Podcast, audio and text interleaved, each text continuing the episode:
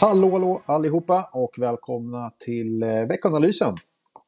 Avsnitt 51 är detta Mattias. Oj, ja det är... börjar likna något. Vad ska vi göra när Ja, vi fyller verkligen. 100 avsnitt? Eh, då lägger vi ner. Jag vet inte. Ja, så länge vi ser ökat lyssnande så, så kör vi på. Va?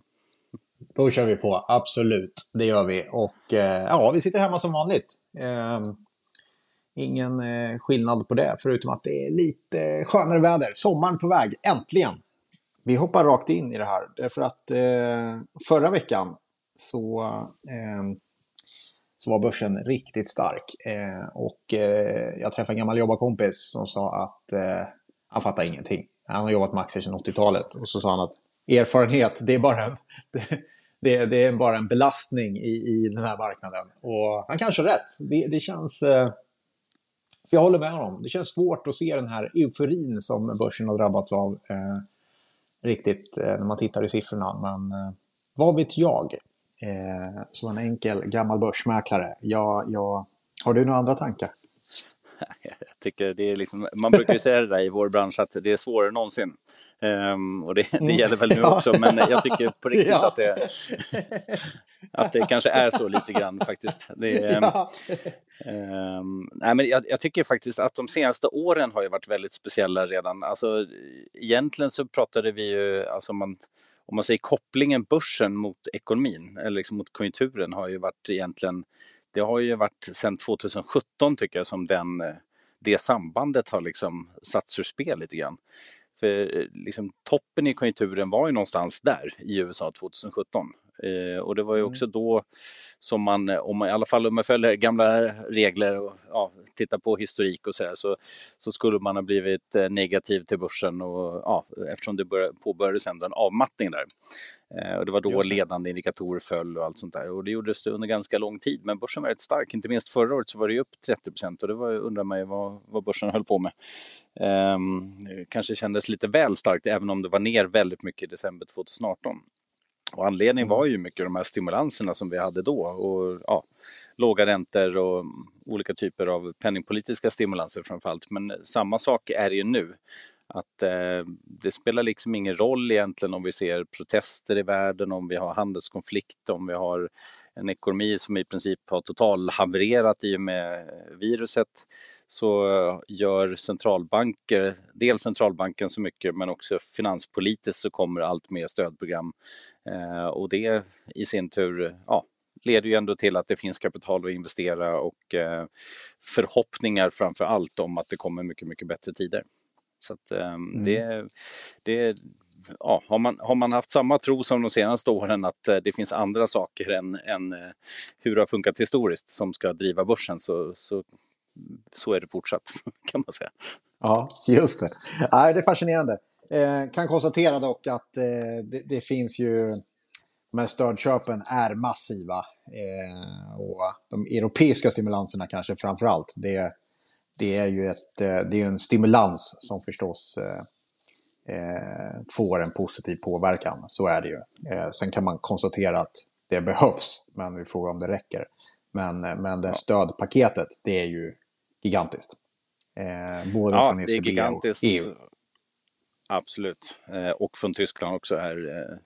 Så det är ju, det jag tror vi har sagt det tidigare i något avsnitt också, det är när det är kriser som politiker har lättast för att ta beslut.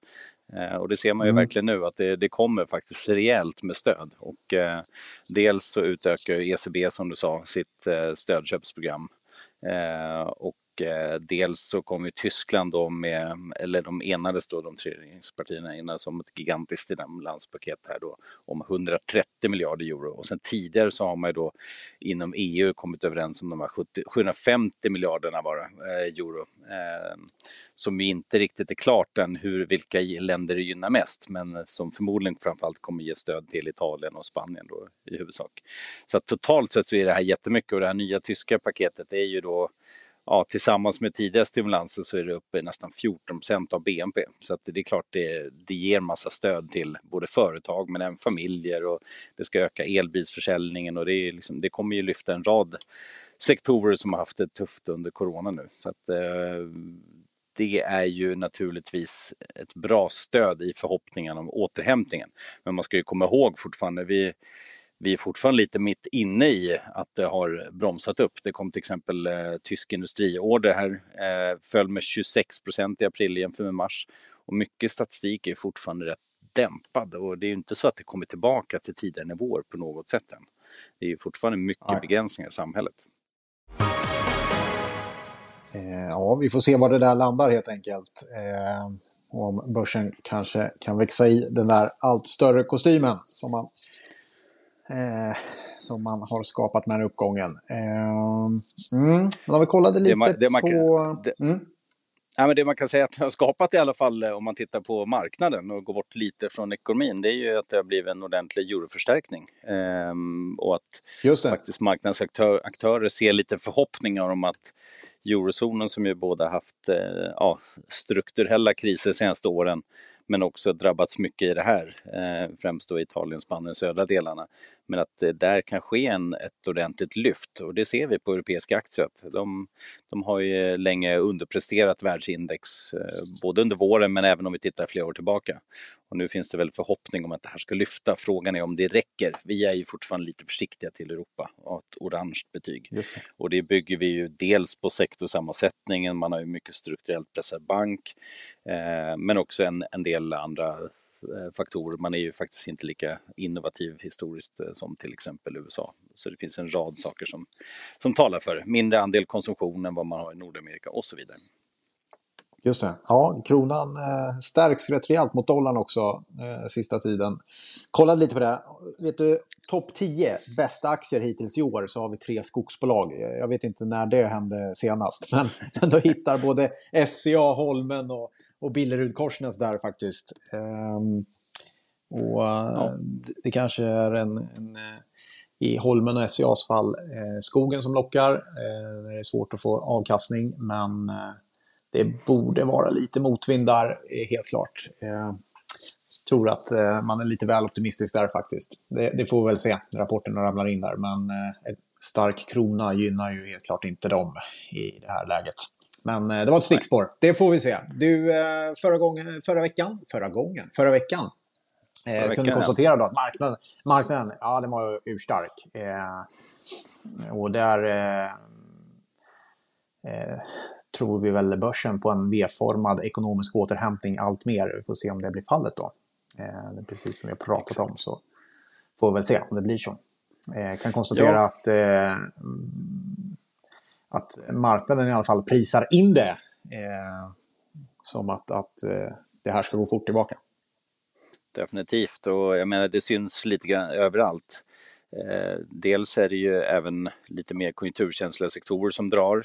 Eh, dollarn, som har vi pratat om, minskar ju lite grann i värde. Eh, det är klassiskt. Om dollarn brukar man söka sig till när det är orostider. Eh, och att den försvagas nu är väl ett tecken på, ökad riskvilja. Så att det är ju definitivt, som du säger, man prisar in en ganska ordentlig eh, tillbakagång ändå. Ehm, och och eh, nu är det väl så att jag tror på ett års sikt så är väl börsen upp en del. Eh, I år så är väl svenska börsen ja, närmast nollan snart, eh, någon procent ner tror jag. Mm. Eh, så ja. det är ju, och tittar man eh, amerikanska börsen, ja då ser det ju bättre ut än så. Eh, framförallt om man tittar på ja, techtunga Nasdaq och liknande. Så det är ju, ja, det är ju ganska ordentliga uppgångar faktiskt. Mm. Du eh, kom lite makrostatistik också, vi var inne på några mm. av dem eh, redan. Men eh, bland annat eh, handlar den här jobbrapporten i USA. Kunde det stämma verkligen? Eh, jag blev så här, ah, men vänta här nu. För förväntningen var väldigt låga och uh, det kom in ett helt annat resultat. Hur, hur kan det vara så där tror du? Är det rimligt? Jag har faktiskt inte synat den i detalj, men eh, nog låter det som en stor avvikelse. Det kom ju in då på Eh, sysselsättningen steg med 2,5 miljoner. Tanken var, eller förväntningen var en nedgång på 8 miljoner och arbetslösheten mm. Eh, föll till 13,3 och den skulle öka då till 19,8. Eh, jag gissar att det finns ett par eh, engångseffekter i det som förklarar, men jag har faktiskt inte tittat i, i detalj eh, än vad det är. Så att, det, det, borde vi nog, nog kika mer på. Men definitivt var det så att marknaden lyfte på det. Så oavsett så är det ju definitivt ett par saker som, som är positiva i den. Det, det måste vi definitivt yes. se. Men vi kanske kan ta det som ett väldigt bra exempel på hur osäkert eh, prognosläget är. Vad svårt det är att prognostisera eh, i alla fall. Eh, Ja, eh, alltså och det, osäkert ja. definitivt. Och sen är det väl helt alltså vissa kommer ju tillbaka helt enkelt, alltså av de som är, som tidigare varit man har ju i princip, alltså jag gissar att man har byggt en del av prognoserna på de här eh, claim-siffrorna som kommer en gång i veckan, den, alltså ny, nyanmälda arbetssökande. Och den resulterar ju inte alltid i, i arbetslöshet, utan det är, vissa av de här personerna går ju tillbaka till arbete sen också. Och eh, det är väl där det har blivit lite fel i, i prognoserna också kan jag tänka mig. Just det, just det. Du, eh, makrostatistik den här veckan då? Är det något eh, intressant? Fed ska väl eh, prata lite va? Ja, exakt. Om vi bara kort eh, ta förra veckan, det som var intressant också ytterligare, eh, som vi inte har nämnt, är mm. faktiskt att det kom faktiskt lite bra grejer i, eh, i eurozonen, bland annat då arbetslöshet där också, eh, som faktiskt var bättre än väntat. Så är det inte bara i USA, utan eh, där eh, var arbetslösheten på 7,3, väntat 8,2. Även faktiskt detaljhandeln föll mindre än befarat. Så att, lite bra siffror ändå, även om det naturligtvis är mm. sämre än innan corona. Men om vi tittar på den här veckan, då, som du sa. Eh, idag, eller den här veckan är det ju dags för eh, Fed eh, på onsdag.